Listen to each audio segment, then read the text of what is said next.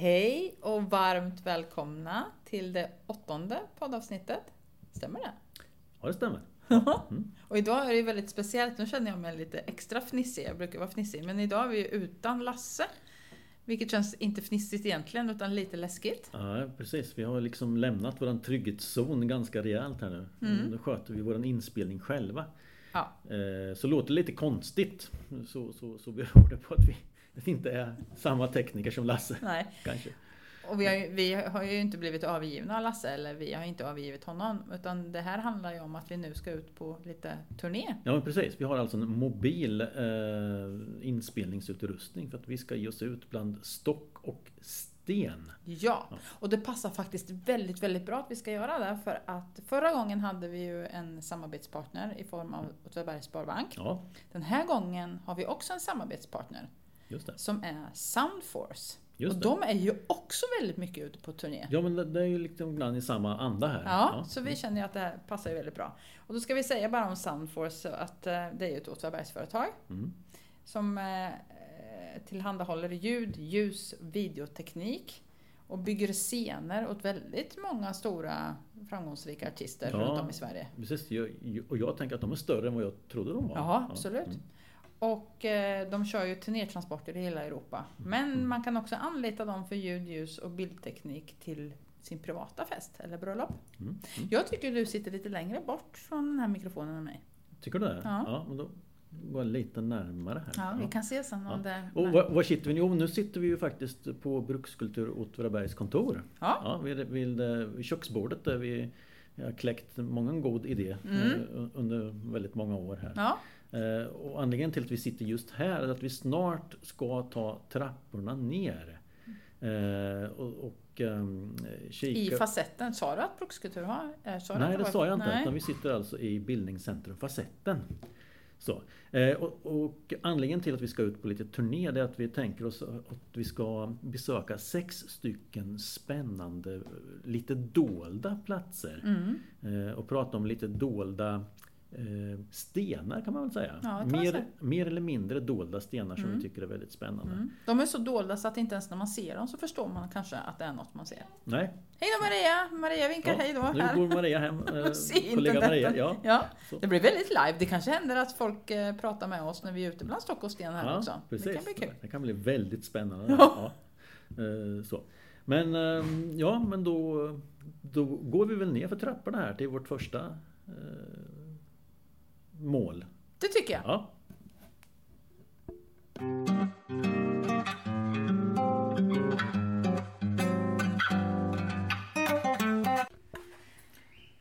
Ja, och då har vi kommit till entrén. Då ska vi väl ta och gå ut Ja. facetten.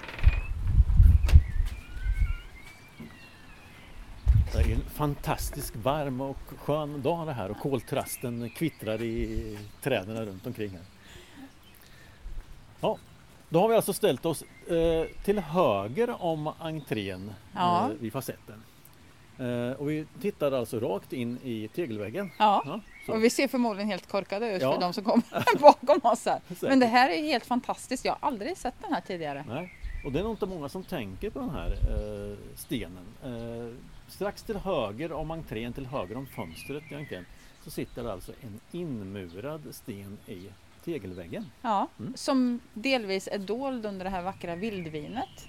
Ja, Som jag tror det heter, som Ja. klättrar här på väggen. Precis. Men man, man ser den ändå. Ja. Och, men det står någonting ja på... det, är, det är en namnskrift. Mm. Ja, en eh, signatur. Eh, och den, den är inte bara en signatur, den är förgylld. Ja. Det står alltså Gustav den sjätte Adolf 15 maj 1953. Aha! Och vad gör då denne kung? Är han kung förresten? Ja. Ja. Anledningen till att det finns en sten här eh, inmurad är att han då har blivit kung. Ah!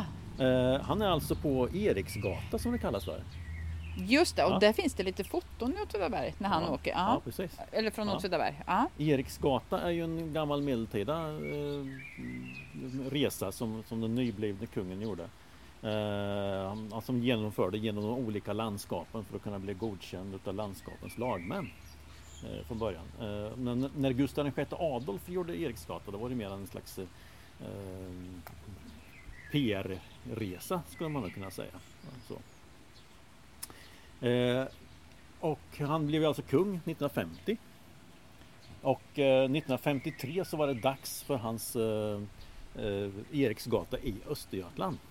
Så han gjorde olika Eriksgator på lite olika tider kan man säga. Mm. Eh, och här då anlände han till Åtvidaberg eh, den 15 maj 1953. Ja. Och då anlände han då till, till eh, eh, Stora torget där han då mottog hyllningar ifrån Åtvidabergarna. Eh, och det finns en ganska eh, rolig episod som man kan läsa om i tidningen där, där, där då tidningsreportern noterar en, en, eh, en sotare som står på ett av taken i, på, på byggnaderna intill eh, kommunhuset. Och när, när svenska nationalsången spelas så ställer sig sotaren i, i vakt bredvid skorstenen där. under hela Kolsvart. Ja. Vad kul! Ja. Sen då eh, åker Hans Majestät då ner hit till Gamla torget eh, till Åtvidabergs Industrier eller Facit som, som, som företaget sen kommer att heta. Och där mottogs han utav disponent Elof Eriksson och hans son Gunnar Eriksson. Eh, och sen blev det en rundvandring i fabriken. Eh, efter det så blev han hyllad utav eh, fotbollsspelare som stod på parad här utanför på Gamla torget. Eh, sen blev det ett besök i kyrkan och en eh, titt på musikbåten som, som körde omkring på Bysjön och eh, musicerade. Mm. Han fick inte som den nuvarande kungen åka Åtvidabergsbil. Nej, det Nej, fick han inte. Nej, för den var, den var nog inte i form då. Nej det är klart. Nej, nej. Eh, Och efter det så, så drog han vidare till Bjärka-Säby, eh, kungen. Ja. Så han hade alltså ett späckat program. Men som minne av det här då så gjordes det en sten med förgylld namnskrift som murades in i den här, då, den här byggnaden eh, som då var nybyggd. Mm. Eh, så. Eh, det var ju en av de Alltså den här kontor, kontorsgården, kontorsdelen här var ju nästan precis nybyggd vid det här Mm. tillfället. Så. Och då passade man på. Ja. Och då hade inte vildvinet vuxit sig så starkt över väggen. Nej, precis. Men har ni vägarna förbi här facetten så ta gärna en titt på den här Ja. eh, stenen. Den är lite häftig kanske. Ja, verkligen. Ska vi gå vidare till nästa? Ja, men det gör vi. Ja. Vi vänder oss om här, här, här, här, här helt Ja, enkelt. det. Ja. Och så vandrar vi ut eh, på, eh, mot Gamla torget. Ja. Ja.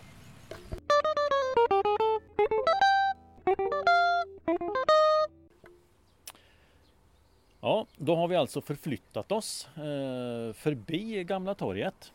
Vi står alltså under ett tak.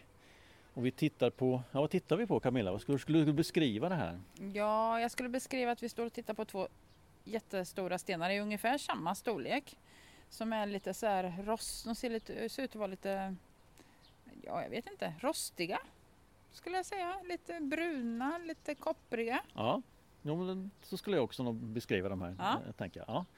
Eh, De och jag, ja, ser ut att vara bearbetade på något sätt. Ja, jag, säga. ja. jag har inte tänkt på att de är här. Det är ju jättekonstigt. nej, och jag tror att eh, många eh, åker förbi här, det här taket och ser de här stenarna och undrar vad, vad det är för någonting eh, egentligen. Eh, och det, ja, eh, Och det har du nu tänkt att förklara? ja men precis. Ja, men det är väl ja, bra. Ja, En gång för alla. Men det finns ju säkert det är någon informationstavla någonstans. Ja, till höger här vid dammen så finns det en, Så finns det en ja, informationstavla. Ja, ja. Mm. Fast den ligger lite långt ner kanske så att man kanske inte riktigt tänker på den heller. Nej. Men det här är alltså två stycken så kallade bottennasar. Mhm. Ja, eh, och de här är ju, man skulle kunna kalla för väldigt tunga industriminnen.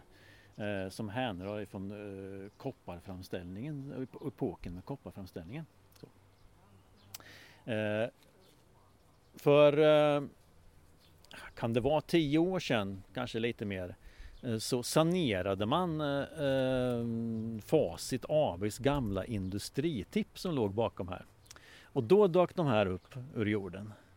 Eh, två, de här två enorma, enormt stora eh, sakerna. Eh, så. Eh, och de här har en, de, här, de här har en förhistoria också därför att eh, läser man Bertil Göranssons bok, eh, lokalhistorikern Bertil Göranssons eh, som heter Inte bara gruvor så får man veta att man hittade två stycken sådana här bottennasar eh, ungefär vid Eksågen. Och det Mhm. kan ju stämma. Du tror att det här är de två? Ja, Ja. jag tror att det här är de två som sedan liksom har skjuts, skjutsats vidare till Facits industritipp bakom facetten och så nu har de då eh, hamnat här. Mm. Och så här, en fin, så här en fin särställning som de har här har de aldrig haft tidigare. Nej, På Precis. fint grus under vackert tak Ja. vid eh, vattnet här. Ja, precis. Ja. Och vad är det här då för, för någonting? Jo, eh, i, i smältugnarna där man då raffinerade kopparen, eh, där eh, eh, man eldade under, man eldade med kol eh, så att kopparmalmen så att säga smälte så man separerade koppar ifrån eh, skräpet så att säga som man inte ville ha. Mm. Och skräpet brukar vi i vardagslag kalla för Jag vet, slagg. oh, det tänkte Åh, jag att jag visste! Jag var för snabb där. Ja. Yeah. Slaggbot är Slagg. byggt av slagg. Ja, ja. Jag tänkte eh, för en gång skulle skulle visa mina kopparkunskaper. De är ju inte så många, men slagg. Ja, Mm. precis. Och slaggbåt är delvis byggt av slaggsten. Just det. Ja, precis. Eh, men eh, i den här smältugnen så satte, satte det sig så här skräp, så här slagg på, i botten och på kanterna. Och det här var smältaren tvungen att bekämpa med spett och, och med verktyg och, och, och sådär. Men han kunde liksom inte förhindra att, det här, att den här sörjan växte i botten och på sidorna. Eh, Och till sist efter många månaders smältning i ugnen så var man tvungen att avbryta smältningen för då hade det satt sig alldeles för mycket eh, slagg. Det var Mm. som en stor klump i ugnen. Mhm. Och det är den klumpen då som kallas för eh, bottennas eller, vi- eller nas. Så det du säger är att vi står här och tittar på smuts och skräp. Ja, det gör vi. Det här är ett, ett, par, det är ett par riktigt, riktigt skräpiga industriminnen. Det här, ja. Ja. Men de är väldigt unika för de här, ehm, de här finns inte, det finns inte alls gott om de här. Eh, så. Man har liksom, eh, man har väl kört, eh, slängt de här, men de har gått tillbaka in i processen också. Man har knackade sönder dem och så försökte man suga ut det sista eh, kopparen som ändå finns eh, i de här då. Mm. Men då hade jag rätt när jag sa att de verkade lite bearbetade, lite Ja. huggna på. Ja. Ja. Kan vara så.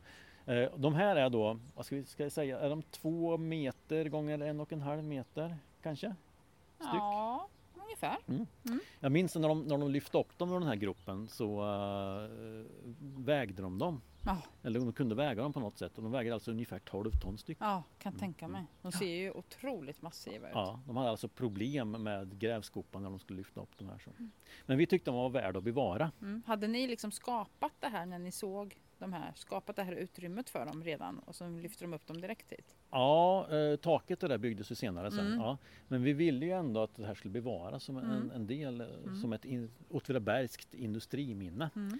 Eh, och det var inte bara de här två jättestora nasarna som fanns i den här eh, tippen utan det fanns även några små mindre så, och de skickade de upp till Falun faktiskt. Mhm. Mm. Så i Falun ska det finnas några Åtvidabergsnasar. Mm. Nu måste jag fråga, när du säger Falun, det här har jag nämnt tidigare att vi hade ju besök av personer som jobbar uppe vid Falu koppargruva. Mm. Fick de se de här nasarna? När de var Eh, här? Ja men det tror jag de gjorde va? Ja, De måste ju ha Ja. blivit så imponerade. Ja, ja. Och, och, inte bara att de är stora, de här, jag, tror, jag, jag tror också att det här är då måtten på en smältugn. Ungefär också. Så vill man veta hur stor en Åtvidabergsk smältugn var, när kopparen bubblade, eh, Mm. kopparmalmen bubblade och man gjorde koppar så är, är nog det här storleken ungefär Mm. det som är.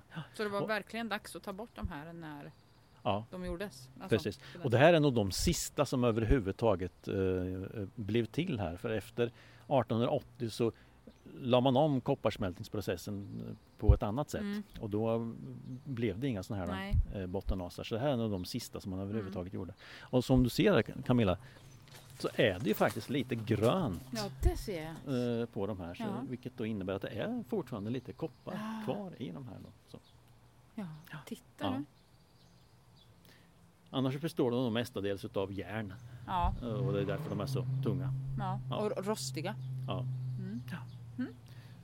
Så så eh, ligger det till Ja. med de här konstiga stenarna som ligger under tak vid Gamla torget. Ja. Ja, eh, ja men då ska vi förflytta oss till nästa ställe. ja, och det är lite längre bort. Ja. Ja. Där är det. Nu Så vi kommer att ta bil.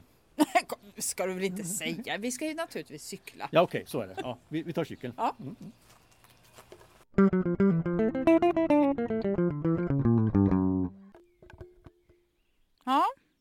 Hur blev det nu? Blev det cykel eller bil Roy? Nej, det, blev, det blev bil. det gör inget. Nej. Vi har ju lite platser vi ska åka till. Så att, eh, Ja precis, vi behöver faktiskt bilen idag. ja. Ja. Ja.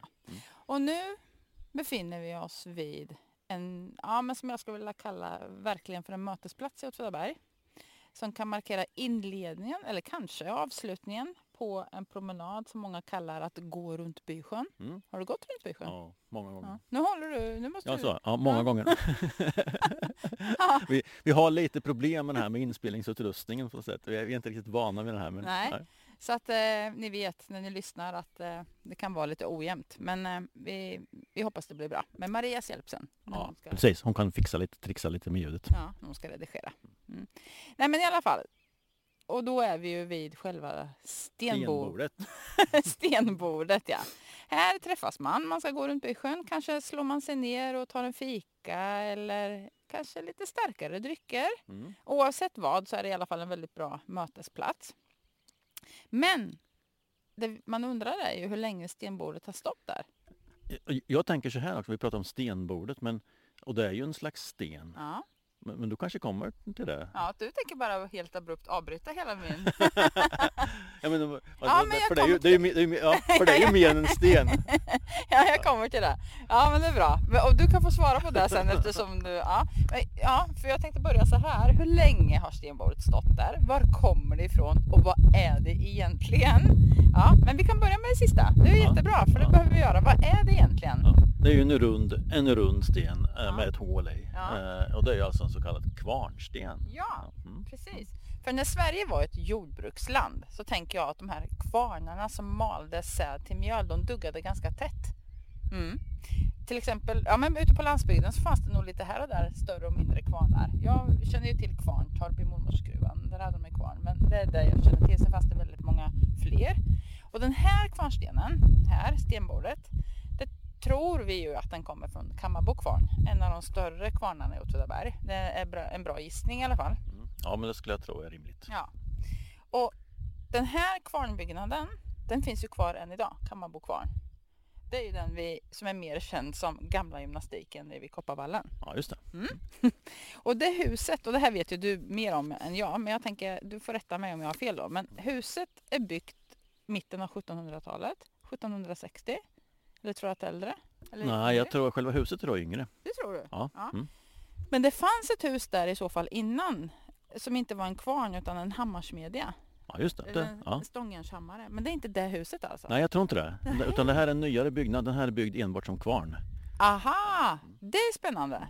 Men i alla fall, ja så står det på platsen ungefär vid mitten av 1700-talet en stångjärnshammare eller en hammarsmedja där i alla fall. Där man också använde sig av vattenkraft. Mm. Det som idag kallas för Åtvidström. Kanske Ja. gjorde det även då, eller hur? Ja, just det. Och det är första fallet som man, i, i den här Åtvidström. Från Bysjön och så ner. Ja, just det.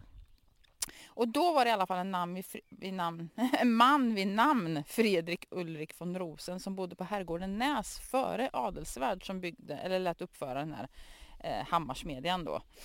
Eh, men bara 15 år senare så gör man om det till en sågkvarn, alltså en såg som drivs med hjälp av vattenkraft också. Eh, och i början av 1800-talet så blir det en mjölkvarn. Men du menar nu att den byggnaden som är vi ser idag som gamla gymnastiken, den kanske är byggd i början av 1800-talet då? Ja, eh, jag vet inte exakt när den är Nej. byggd men, men jag skulle tro att det är så.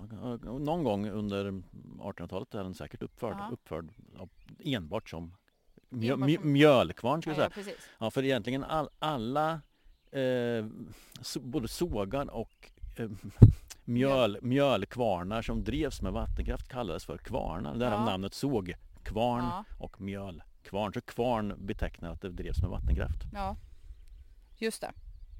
För jag tror också när jag tittar i kyrkböckerna under början av 1800-talet så får jag den här känslan av att man drev såg sågkvarn, sågkvarn och mjölkvarn lite parallellt, lite samtidigt. Att det gick liksom, för det fanns både en arbetare som skötte sågen och en mjölnare som drev mjölkvarnen vid den här tiden, alltså vid början av 1800-talet. Men någon, ja, det kanske fanns en annan byggnad då? Eller? Ja, det, det är inte helt Nej. omöjligt att det är så. Men i alla fall så blev det ju som du säger en renodlad mjölkvarn och ett antal mjölnare passerar ju revy här under årens lopp. Och den sista som jag hittat i kyrkböckerna han heter Johan Alfred Andersson. Han kom från Uckna till Åtvi när han var 30 år och då var året 1874. Och han bor här i mjölkvarnen för det var ju det han gjorde. Alltså han inte bara arbetare utan han bor förmodligen inne i själva kvarnen i en del av den. Ja, Mm. Tjänstebostad. Ja, tillsammans med sin hustru Hilma Sofia och nio barn. Plus ett antal kvarnarbetare, pigor och drängar som också står Mm. skrivna där. Mm. Så att Mm. det, där bodde man många. Ja, en stor rörelse helt enkelt. Ja. Och Johan Alfred han dör 1906, då är han 62 år gammal och han har varit enkling sedan sex år.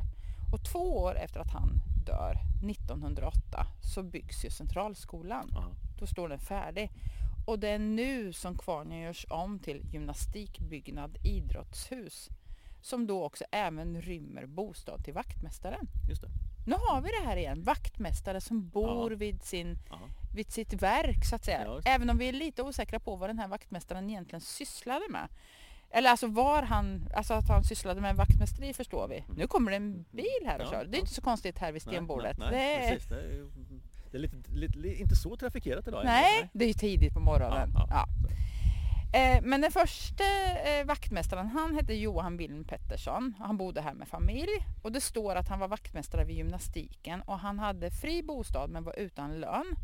Men något år senare så arbetade han även som gårdskarl vid vagnfabriken. Man förstår ju att han behövde lite penningar då. Mm, mm. Och som sagt, var han var vaktmästare om det var på Centralskolan eller om det var nere vid, alltså vid själva idrottshuset som man kallar det för. Svårt Eller? att säga. Ja. Ja. Och just det här att det kallas idrottshus blir jag lite förvånad av. För mig är idrott ett nutida ord mer. Att man går, gick över från Ja. gymnastik till id- och Ja, kalla idrott. Men det står gymnastikbyggnaden idrottshus. Nej, men man, man, det hette nog även Ja. så ja, från alla början. Så. Ja. Men som sagt, det här med vaktmästare som bor vid sin arbetsplats är ju spännande. Om vi bara tar en parentes. För vi pratade ju för, jag tror det är två avsnitt sen, när vi var inne på eh, Långbrottsskolan. Alltså vi pratade skolminnen. Mm. Ehm, Då pratade vi om vaktmästaren som bodde i, ett litet hus vid- på Långbrottsskolan, alltså på skolgården. Det huset finns ju, om nu Långbrottsskolan är rivet så finns ju det huset kvar. Ja. Och det ligger ju med adress Bäckvallsvägen. Och han hette ju då, jag, vill, jag kom ju på honom, alltså jag, kom, jag drog mig till minnes och det gjorde väl även du, som Ja. Östen. Ja. Och han kallas ju för Kalle Östen. Svensson. Eh, och vi minns honom båda två. Ja. Och vi minns honom som ganska sträng. ja, jo men så. Ja. Mm. Ja. Han höll ordning. Han höll ordning och det var nog förmodligen helt nödvändigt för att hålla pli på ungarna Ja. på skolgården. Som la såna nyponfrön innanför tröjorna på varandra eller sprang i buskarna för att hämta fotbollar och allt det här. Men jag har ju då eh, forskat lite mer kring Kalle Östen. Jag har bland annat pratat, eller framför allt ska jag säga, jag har pratat med Torsten och Eva Karlsson som var ett lärarpar som kom till Åtvidaberg i slutet av 60-talet. Jag hade Eva Karlsson i femman, sexan. Ja. Kommer du ihåg Torsten och Eva? Ja, eh, Eva i alla fall tror jag. Ja. Eh, Jag hade henne inte, men Nej. eh, någon av parallellklasserna tror jag hade henne. Ja, jättebra fröken. Det var ju hon som jag, när, vi när jag gömde mig under katedern så var det hon ja, som kom ja, där i. ja. Ja. Jag frågade henne om hon kom ihåg det. Hon gjorde inte det. Nej. Nej. det hade inte gjort lika starkt Nej. intryck på henne och det var ju för väl det. Ja, men det, de, de var goda vänner. De, de blev goda vänner direkt med Kalle Östen när de kom till, som nyinflyttade liksom, Åtvidabergare här. Eller Åtvidabergare, som inflyttade till Åtvidaberg. Ja. Och de berättade ju att han var faktiskt väldigt barnkär. Mm. Och när han hade sagt åt någon på skarpen sådär på skolgården, kanske Mm. dig Roy, Ja. han tog det lite i örat där, så skrockade han gärna lite bakom ryggen sådär att han ja, egentligen var en ganska glad Ja. person. Han och hans hustru Aina bodde där i huset. De fick inga egna barn, tyvärr då eftersom de var barnkära. Men de hade en tax. Kommer du ihåg tax? Nej. Nej, den hette Silva. Ja. Kommer du ihåg den? Nej. Nej. Men jag sparkar ju inte fotboll så jag tänker för, för var man rädd för Kalle Östen så hade man en väldigt stor respekt för Silva också. Ja, okej. För det var en tjurig tax. Ja. Ja. Och som sagt, sparkar man in en boll på vaktmästartomten så vågar man nog inte hämta den när Nej, Silva var nej, ute. För hon nej, tog dessutom Ja. bollen. Ja. Okej. Och Kalle Östen berättar ju Eva och Torsten då att han såg ju verkligen Långbrottsskolan som, som, sin, som sin skola. Och varje Ja. kväll så Ja. gick han ett varv runt skolbyggnaden. Och han hölls mycket ute. Han älskade sina nyponrosor så det var därför det, man inte fick springa bland dem och sådär. Men var, man, var han inne i skolan och jobbade så visste de att han var inne för han la alltid sin keps på en, särskild, eh, på en, på en plats i en särskild fönstersmyg. Så då visste de det var han där inne. Aha. Ja, ja, eh, ja det vill jag fråga också. Kommer du ihåg, jag vet inte om jag frågade det sist, det kanske jag gjorde, men kommer du ihåg gåsen Kalle? Gåsen Kalle? Ja, på. Långbrottsskolan. Långbrottsskolan hade en egen gås. Okej. Och det Ja. var nog bara egentligen en enda sommar. Ja. För det, och det här börjar med, berätta Torsten Eva, jag måste bara berätta den saken också som avslutning. innan jag går tillbaka till stenbordet. det var en väldigt lång parentes där, är det okej? Ja, ja. Ja. Men de... Eh, det, jag tror att det hela börjar med att de födde upp två egna kycklingar hemma. Och när de här kläcktes och sådär ja, och kom ur sitt skal så kom de på att det här borde vi göra på skolan. Och visa barnen hur det liksom, ja men så. Mm. Värpa ägg, säger man värpa? Ruva, Ruva. ägg. Ja, värpa ägg har vi väldigt svårt att göra själva Ja. som människor. Ja. Så Kalle Östen han byggde om en gammal högtalar och radioanläggning som han hade i lärarrummet som gick från golv till tak. Den gjorde han om till en äggkläckningsmaskin. Mhm. Ja. Och sen såg man till att man hade 37 grader här med värme och så, 80% luftfuktighet. Och så köpte man in befruktade hönsägg då. Mm. Och så visste man att de här skulle ruvas då. Det gjorde man ju inte men se till. Ja, och det skulle vändas och greja i 21 dygn. Och den 21 natt, morgonen, alltså när de hade kommit till 21 dygn så sov Kalle Östen och Torsten i varsin tältsäng bredvid äggkläckningsmaskinen. Och mycket riktigt, på morgonen så, så kom det ut en liten Oj. eh, kyckling. Mm.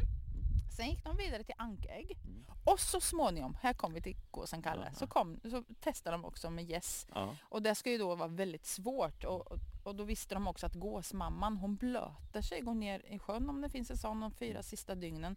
För att äggen också ska bli fuktiga. Det är väl för att mjuka upp skalet kan jag tänka mig. Mm. Så de höll också Kalle Östen och Torsten på att blöta gasbinder och handdukar och, och greja med det här.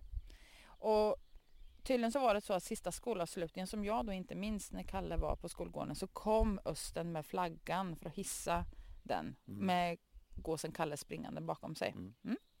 Ja, det var ju fint. ja. Ja, nu har vi pratat. Ja, men det var nog efter jag har gått. Ja, kanske, men eller- det är det ja, precis. mm. Men jag tänkte att du kanske kommer ihåg lite kycklingar?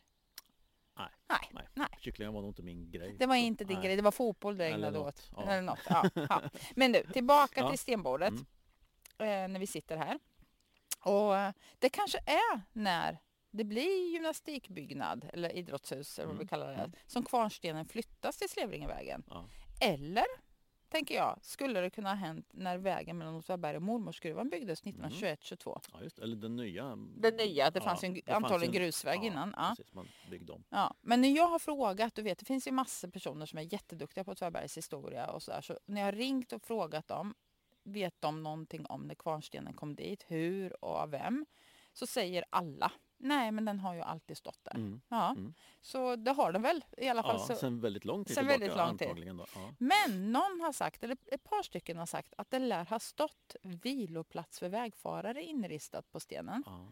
Och det tyder ju på då att den sattes upp när vägen var mer trafikerad. För man ska kunna stanna här och vila en stund.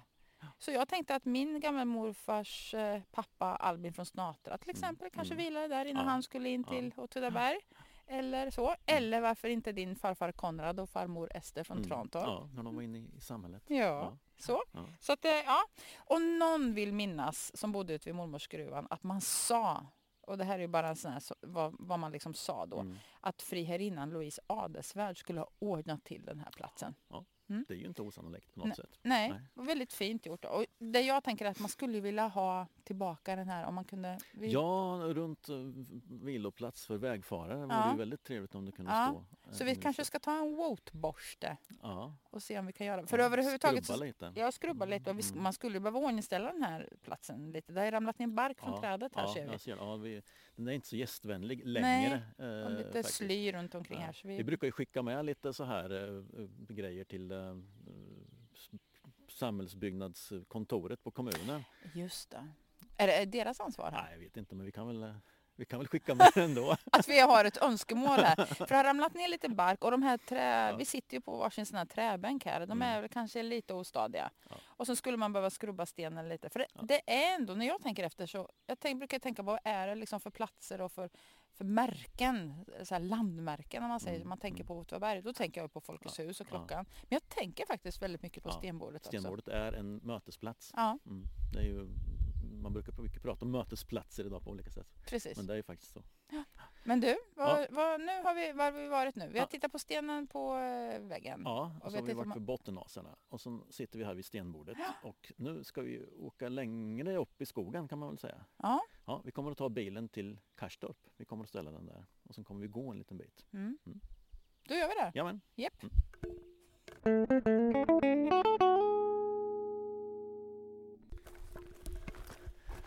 Jaha, då har vi alltså eh, ställt bilen vid, vid Karstorp och nu har vi gått en bit här.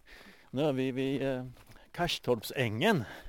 Ja. Ja, på väg upp emot eh, vägen som leder upp till Trantorp så småningom och vidare till Entorp och allt vad det kan vara. ja. Och det är varmt.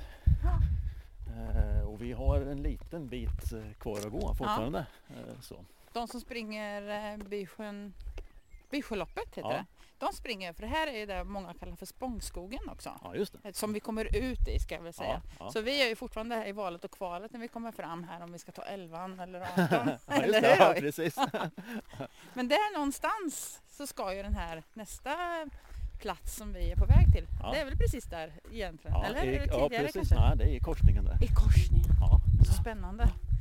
Men, Aha. men vi har en Vi- liten bit kvar att gå. Ja. Så vi återkommer.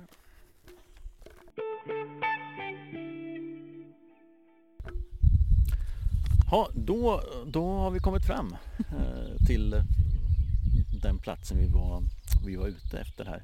Vi, har, vi eh, gick ut i solen lite grann här för det var ganska kyligt i, i skuggan. Vi befinner oss alltså eh, vid det gamla kronovaktarbostället Nynäs gamla ägor. Eh, på en höjd strax söder om sjön Glan. Vi sitter alltså inne vid vägen som så småningom leder upp till Trantorp och vidare till och så småningom man kan komma till Entorp och till eh, Kvarntorp. Och, Mm. sådär. Man fortsätter en ganska lång bit. Så det, här, det här är mina gamla hoods. Jag tänkte på ju något sätt. säga Ja, det. mm. Du sa det när vi gick. På Ja. vilket sätt är det? Jo men min farfar flyttade till torpet Trantorp 1916 och vi, familjen har haft det som fritidsbostad ända fram till 80-talet så jag har tillbringat många sommar eh, här uppe i skogen och eh, eh, gått på den här vägen väldigt många gånger. Så. Mm. Mm. Det är ju speciellt att gå på gamla vägar som man har gått på som liten. Mm, precis. Ja. Men då, då hade jag väl hört talas om den här stenen som vi, Mm. som vi, som, som vi har här. Ehm, alltså, om vi återgår till Nynäs som då låg nere vid sjön Glan. Stället finns inte kvar längre utan det är borta sedan många, många år tillbaka. Men det finns markerat på den äldsta kartan som vi känner över Åtvidabergstrakten. Ehm, Jean de Rogers karta från 1657 till 1660. Där finns Nynäs eh, markerat. Ehm, den här personen, Jean de Roger, han var en fransk lantmätare som arbetade här i Sverige från sex- 1630-talet och ritade främst kartor från Östergötland, eller av Östergötland och Värmland. Och den här stenen som, som, som står här uppe i hagen, Mm. eh, den har en, en speciell historia.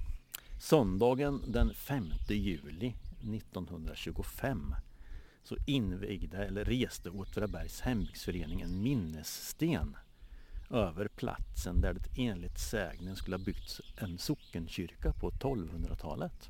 Och det här är då platsen där vi står eller sitter här, platsen för, för den här tänkta sockenkyrkan. Som är helt off samhället. Ja, och det här skulle ha varit då Åtvidabergs, eh, enligt sägnen Åtvidabergs första kyrka. Mm. Så. När då eh, ja, när befolkningen hade, hade tätnat här på något sätt och man bestämde sig då församlingen bestämde sig för att bygga en ny sock- sockenkyrka skulle det här då ha varit platsen. Tror du att. Nynäs, alltså hade Nynäs någonting med de som bodde i Nynäs? Var det ett stort, vad sa du att det var ett stort hemman? Ja, jag vet inte eh, hur pass stort det var det här. Eh, men det var ju, det fanns ju med, det var ett av de ställen som fanns ändå här så att säga. Ja. Ja. Eh, nej, sa- sannolikt i så fall så har det säkert att göra med kopparhanteringen då. Att det är ju inte långt till Malmviksgruvan härifrån. Och, eh, sådär. Så det ligger på något sätt mitt ja, i, i närheten utav. Vi har Glasgård som ligger här eh, inte långt härifrån där det finns en hyttplats och, och sådär. Så att det, det kan nog tänkas att det har med framförallt med, med kopparhanteringen i så fall. Eh, så. Mm. Eh, Den här invigningen var väldigt högtidlig 1925. Eh, fem, ungefär 5 till 600 personer hade slutit upp och stod här. här. Och eh, hedersordförande Louise Adelsvärd höll ett anförande. Manskören eh, sjöng och, och det var eh, ja, på alla sätt väldigt, väldigt, väldigt högtidligt. Så. Mm. Och sägnen va, säger så här Eh, att då när många människor kom till bygden, lockade kanske av gruvbrytningen och kopparframställningen, så blev det aktuellt att bygga en kyrka. Eh, och här då mellan sjöarna Glan och Bysjön i närheten av Malmösgruvan och glasgruvan och Glasgård som är hyttstället. Hyttgården heter det ju faktiskt. Just det. Ja, ja. Och enligt folktron här då så skulle då eh, man ha börjat att byggt den här kyrkan. Eh, man byggde om dagen men det som byggdes om dagen revs av trollen på natten. Ja. Uh. Och då förstod man när man har hållit på ett tag att det här var inte rätta platsen för en kyrka. Nej. Utan då gjorde man istället så att då band man ihop två ungtjurar. Eh, då så fick de löpa och där man då eh, där de då stannade där skulle man då bygga en, en, en, en Mhm. kyrka. Eh, och på så sätt så skulle då Åtvis kyrka ha uppförts. Alltså Mm. där, vi, där, vi tänker, där vi tänker som Åtvis gamla kyrka, den är ju byggd mycket senare. Men, men, men eh, åtminstone en del anser att det stått en kyrka där innan. Den som är, idag ja. Ja, En- en, mm. en äldre kyrka. Eh, Så, och då skulle man kunna tänka sig att, att, att det är den kyrkan som byggdes. Ja. Att det var där då de här två ungtjurarna stannade. Just det, efter att trollen har rivit ner. Ja, ja precis. Men det är ju fascinerande det här om man tänker, som du sa också när vi gick här eh, tidigare, att om det var, hade varit så att trollen inte hade rivit ner det här, Mm. utan man hade byggt en kyrka, då hade samhället Åtvidaberg eller Ja, befunnit ja, sig här Då kanske det här har varit centrum för Åtvidaberg. Ja. Ja. Ja. Så att, ehm, eller ja, eh, svårt att, eh, svårt att säga kanske. Men, men, men ehm, ja, det är en, spännande tanke i alla fall. Mm. Ja. Och just det här med trollen, eh, det finns en annan eh, eh, sägen härifrån som, som har dykt upp vid något tillfälle. Lite oprecis är det, men här då ska ha funnits, alltså på, på vägen mellan Karstorp och Trantorp, just vid den här platsen ska det funnits någonting som kallas Gastberget. Eh, där det då sägs ha spökat på något sätt. Och möjligen så är, är det då den här, det här är ju inget berg men det är ju ändå en liten kulle. Ja, det är det. Ja, så, så möjligen så, så är det här en plats där man kanske ska inte ha någon verksamhet eller åtminstone inte bygga kyrkor. Eller också är det där man verkligen ska försöka få, Ja. få till en kyrka. Ja, precis. Men i alla fall, det finns en minnessten och det finns en, en bit upp i hagen här och den är väldigt välbevarad. Mm. Och man kan, och man kan se lämningarna, eh, alltså det finns ganska mycket stenrester, stenlämningar här. Eh, och det finns en mur som är byggd då faktiskt, den ligger då, tittar man med kompass så ligger den i östlig-västlig riktning som, som då kyrkor ska vara byggda. Så att eh, ja, det, det, det kanske finns någonting i den här sägnen, det, det vet vi inte. Ja, något. Jag tänker om man vill, jag tänker, det Mm, säger jag ofta, mm, för jag tänker väldigt mycket så hela tiden. men om man kommer från ehm, nu från Karstorp, om man springer Bysjö runt till exempel, för att Mm. när jag fick höra talas om den här stenen så gick jag och letade, eller jag och Mats gick och letade, att, ja, väldigt lång tid och vi hittade den ju inte.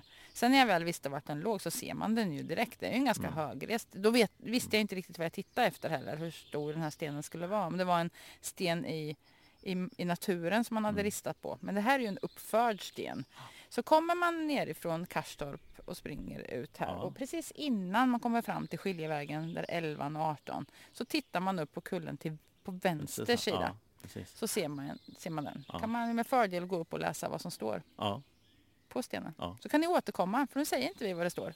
nej, Nej. precis. Nu ger vi oss vidare. Ja, precis. Nu ska vi eh, åt andra hållet faktiskt, en ganska lång bit. Mm. Ja, så nu får vi helt enkelt traska tillbaka. Ja. Mm.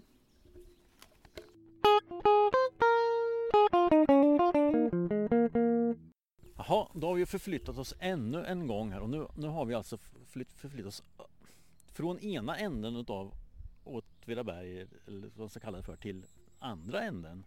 Eh, och vi, har, vi såg ju två sjöar, eh, Glan och Bysjön på förra stället och här har vi närkontakt med Hocklasjön. Mm. Var är vi Camilla? ja. Jag ska säga att vi är på, udde, på en udde vid Hocklasjön. Vi är vid det som heter Åtvidsnäs idag. Mm. Vi kan backa lite i historien här. Eh, för ett par år sedan så fick jag en karta i min hand av Magnus Edlund. Mm. Och det här var Riksantikvarieämbetets karta. Ja. Nu tittar jag på dig. Det har jag rätt i att det är va? Eh, Ja, det tror jag. ja. Ja, ja. du tvekade, så Ja, ja, jag ja, det var det. Och på den kartan så fanns det, de, de markerar ju vad det finns fornlämningar, det. eller Mm, lämningar mm, kanske vi ska mm. säga. Och här ute i Åtvidsnäs så fanns det två markeringar. Eh, det ena, den ena markeringen, eh, det, är ingen, det, det, det förstår man vad det är. Det är ett gammalt stridsvärn. Eller bara ett gammalt stridsvärn. Pratar man Magnus Edlund så är det ett stridsvärn top notch. Ja. För det är så jättefint stridsvärn. Ja, För ja. mig var det en bunt stenar. Förlåt Magnus. Och, och Magnus, får också, Ja. Magnus är ju eh, militärhistoriker Precis. kan man säga. Han är ju gammal militär själv och han är ordförande i Brukskultur. Ja. Men han sa, så, så det kände han till och jag var och tittade på det här stridsvärnet och kanske inte varit jätteimponerad men jag förstår att det kan man bli om man tycker sånt och kan sånt. Mm. Mm. Men den andra markeringen ville han att jag skulle gå och titta på och så ville han att jag skulle mäta ut hur långt det här var och diameter på största stenen och sådär. Mm. Och då kan vi säga om jag hade svårt att hitta till den här stenen ute vid Nynäs så var det här ännu svårare.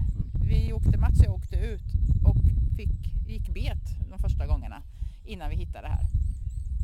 Men när man väl har hittat det, så det här är verkligen så en dolt ställe och när man väl har hittat det så står man här som ett fån. Ja, det, är, alltså det är så, det är skithäftigt. Ja, Ja. men man står ju verkligen och Ja. undrar för det här är ju, det råder ju inga tvivel om att det här är byggt av människohänder. Mm. Det är dubbla rader, alltså det är dubbla rader med stenar byggt i, i två Etage. etage. Ja men precis, det är Mm. två, ja. Och det är ganska brett emellan. Ja, det är åtminstone två meter här mellan det första etaget.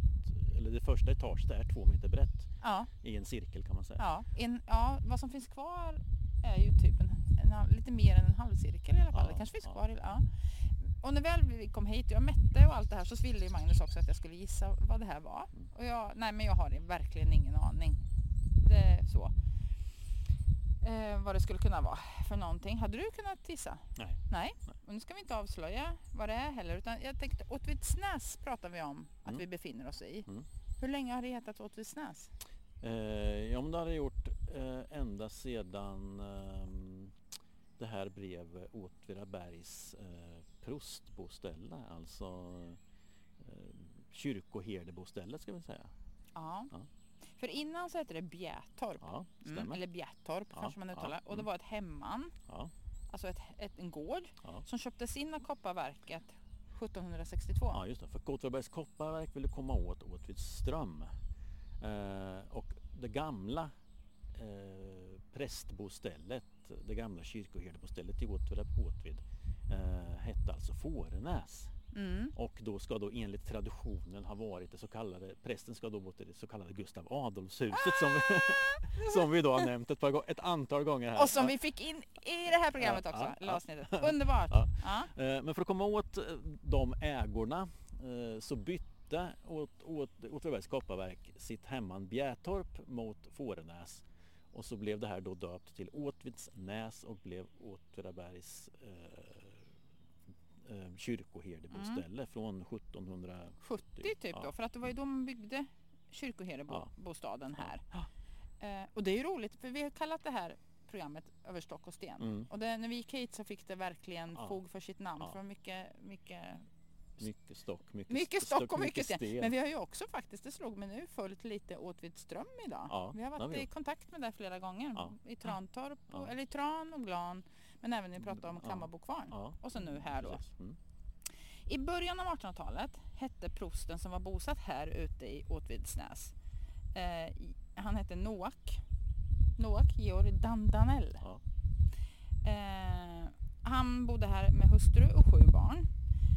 Eh, och Dandanell han kände den dåvarande baronen väldigt väl. De umgicks. Han hade varit eh, kapellan på Adelsnäs, eh, alltså eh, huspräst kan man säga. Ja, just det. då, och, på grund av det så blev han sen, Mm. fick han då, troligen fick han då kyrkoherdetjänsten. Ja, och baronen hette alltså Jan Karl Ja, Adelsvärd ska ja, vi säga. ja. Och han hade ju då patronatsrätten och kunde tillsätta vem han då ville. Ja, precis. Det är, det är ju fascinerande. Ja, Ja, Eh, tillsätta vilken präst han ville Ja, så mm. kunde- gjorde alltså baronen då. Dandanell hade flera döttrar. En hette Eva-Charlotta, det var mellandottern. Hon gifte sig så småningom med Karl Adolf Enelius, också en bekant person eh, för folk som... Ja, men Dandanell en bekant person, Enelius en, en bekant person, en präst, också kyrkoherde. Mm. Eh, så när pappa Dandanell, Noak Georg, dör 1849 så är det Enelius som tar över som kyrkoherde Mm. eh, och bor här ute då tillsammans med sin hustru Eva-Charlotta men också med de två sina två svägerskor som flyttar hit då, Mm, hennes mm. systrar och svågen, den ogifta August Dandanell som kommer att arbeta som läkare. Eh, men pappa Dandanell dör 1849 och efter honom så finns det ju en bouppteckning. Mm. Och det är då vi börjar närma oss Ja. här. Vad det här är som vi sitter och tittar på just nu. De här, den här cirkelformade två etagen. För Magnus säger ju då, ja, och nej, för att i, i bouppteckningen så nämns det ju då ett lusthus. Mm. Och det är Magnus Edlunds starka övertygelse och jag tror även din när vi har pratat om det. ja, Att det här är lämningarna Ja. efter det lusthuset. Det finns en riktningsvisning i den här bouppteckningen, lusthuset, som, så, så är det ett väderstreck angivet. Och det stämmer. Ja, det stämmer nog ungefär. Så, det, det, Så det, häftigt. Sannolikheten att det skulle vara att det skulle varit ett lusthus är Ja. ännu stor tror jag. Ännu stor. Så det är resterna av lusthuset vi ser. Och, och Magnus säger att han kunde ju tänka sig att Dardanell och hans goda vän Jan Karl Adelswärd kanske satt här eh, i lusthuset. Och, och det, sker, det här bygget sker ju då ungefär parallellt med bygget av templet. Eller? ef- eller efterhand. Ja. Alltså det kan ju vara så, och det tror jag Magnus också tänker sig, att det här är då en kopia eller en, eh, en replik eller en efter, ef- man har tagit efter Mm. eh, templet. Mm. Eh, Så att det kanske har stått ett, Mm. ett lusttempel. Fast, Ja. fast då utav trä Just tror det. jag det står i bouppteckningen. Ja, det gör det. Mm. Så här tänker vi oss att de satt kanske Jan Karl och Mm. och Dandanell och svingade en bägare och tittade ut över den vackra sjön Hockla. Ja men precis. Han hade, den här Dan Danell hade tydligen eh, en utav jag tror Magnus som har sagt det här, att han har också en av de största brännvinspannorna. Nej, Eh, oj, som, som kyrkoherde. Ja, ja. Jaha. Under husbehovsbränningens tid var det Såklart. väldigt viktigt. Ja. Ja. Ja, så det är lite häftigt. Så här satt man då kanske. Och, och det är långt ifrån, som jag sa när vi gick, det var ganska långt att gå. Men då skulle ju det här vara ett utflyktsmål som du sa. Mm. Inte liksom ligga helt nära eh, bo, bostaden. Nej, utan nej. man skulle gå en liten så. Ja.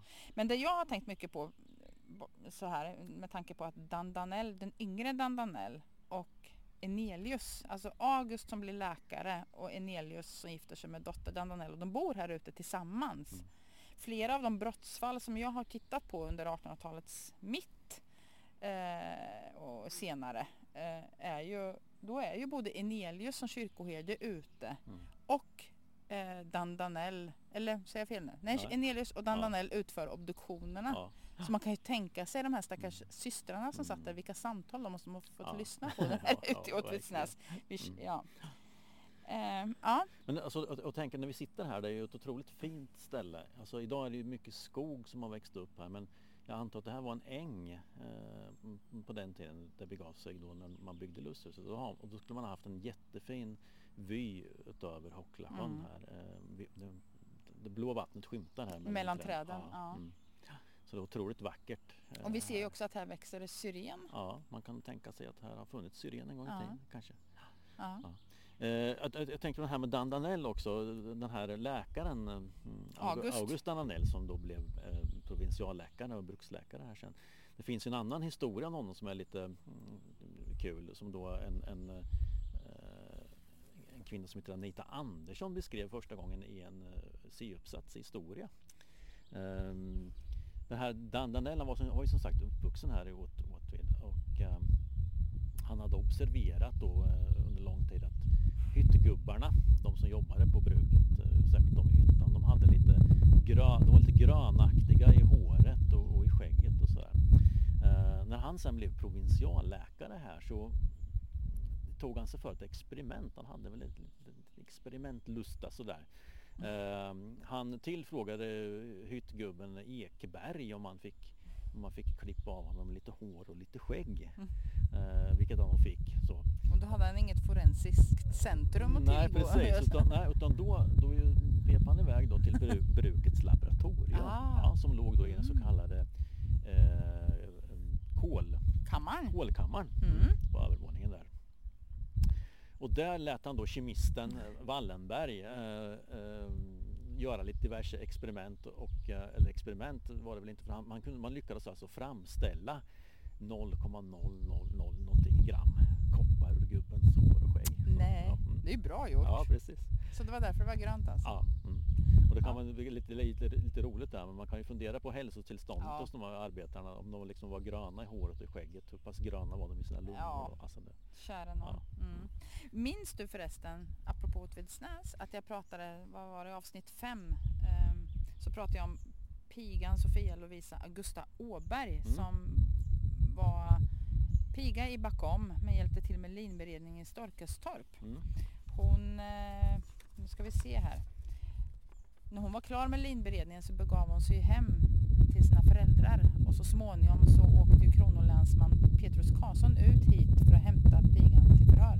Alltså hennes föräldrar bodde här ute vid Näset men det var ju hon som slängde sitt barn i sjön Gälen. Ja, ja. Mm. Hon stod där och födde mot grindstolparna och sen begav hon sig hemåt och sen så småningom på våren så hittade man det här barnet på, på bottnen av sjön. Ja. Så det var det här. Och jag tror att du nämnde Näset. Vart, var, var det låg någonstans här? ja, det ligger i eh, Fallasjön. I Fallasjön? Ja. Ute på en ö? Ja, eller på Nudde här. I, Jaha. vi, vi är ju nästan vi är ju på gränsen mellan Hocklasjön och Fallasjön. Ja, just det. Så vi, vi kan ju kan ju säkert se båda sjöarna. här, men har vi Ja. inte- Så det här är det avsnittet med de två sjöarnas vy? Ja, Ja. precis. Och inte att förglömma göken. Mm. För vi hade göken med oss vid, var det vid Nynäs? Ja, och nu har vi hen här också. Hen här också. Kan vara Ja, samma gök ja. som förföljer oss. Ja. Det, finns, det finns ytterligare en sten här. Mhm. Eh, en minnessten faktiskt. Eh, idag finns inte Åtvidsnäs eh, kyrkoherdeboställe kvar. Eh, det brann ner 1900, det får stå kvar ni- till 1950. Eh, och, ehm, Så då- det finns bilder på det? Ja, det gör det. Då måste vi lägga ut en bild Ja, på det. absolut. Mm. Eh, Men då brann det ner.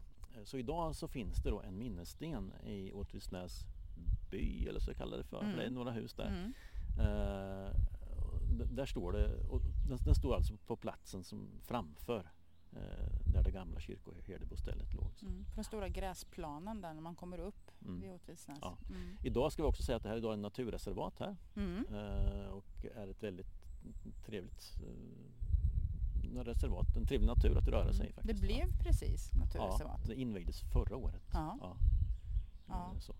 så det här är helt klart värt ett besök och Mm. man kan liksom förundras över eh, Mm. eh, den här byggnaden. Mm. Och nu när Ja. ni kommer hit och tittar på den så är det skönt att ni vet vad det faktiskt förmodligen med Ja. 99,9 Ja, procents säkerhet är är. Ja. Men du, nu Ja. ska vi till sista stället. Jamen, nu ska vi vidare igen. Ja, Ja. På turné. Jo. Det är inte bara Soundforce som är ute på turné Nej, utan även, vi. även vi. även vi. Ja. Ja. Ja, Ja. vi fortsätter.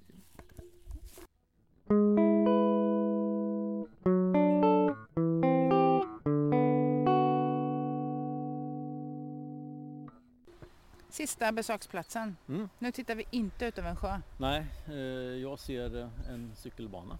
Jag ser 35an. Ja, och jag ser en järnväg.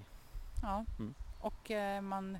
Nej, jag tänkte säga jag ser Röda bron. Det gör jag visst inte alls. Nej, men i närheten. Ja, vi är i närheten. Ja, och vi skymtar fågelsångens eh, industriområde. Ja, Ska Det jag gör säga. Ja.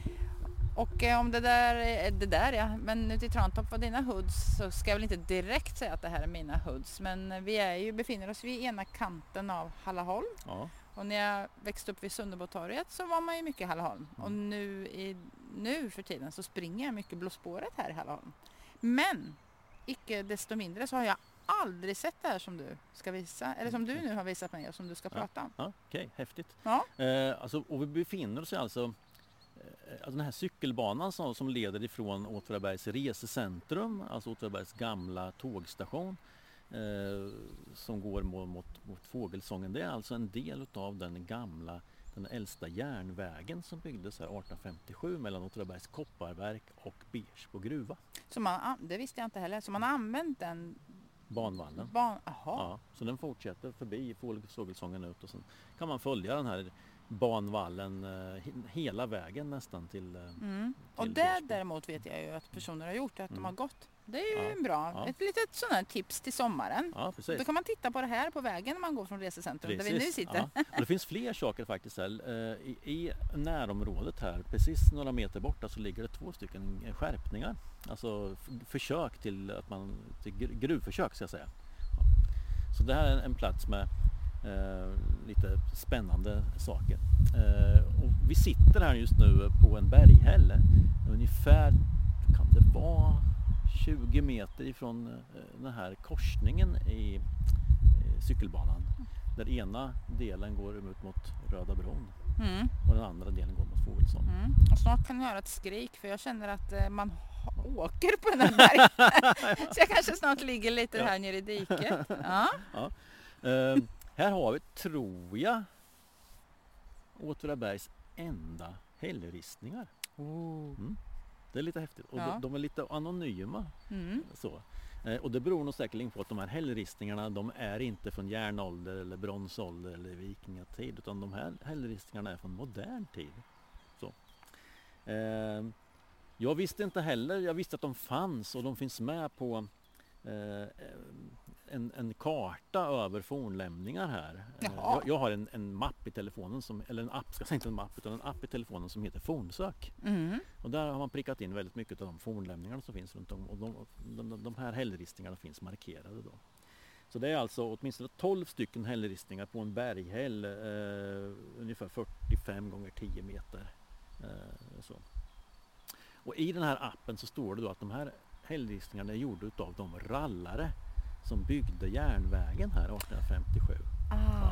Men det där stämmer absolut inte. Nej. Det är, nej, det är helt, det är helt, helt skog. Men det är jättefint Ja, tänkt. Ja. De här är alltså mycket senare gjorda. De är ju daterade de här. Ja just det, så ja, det är lite precis. klantigt. Ja, så det står ju här. Jag har några exempel på, på hällristningar här. Det står KJH Ström Mm. 1892. Det står KWH Ström 1893. ARL Son Mhm.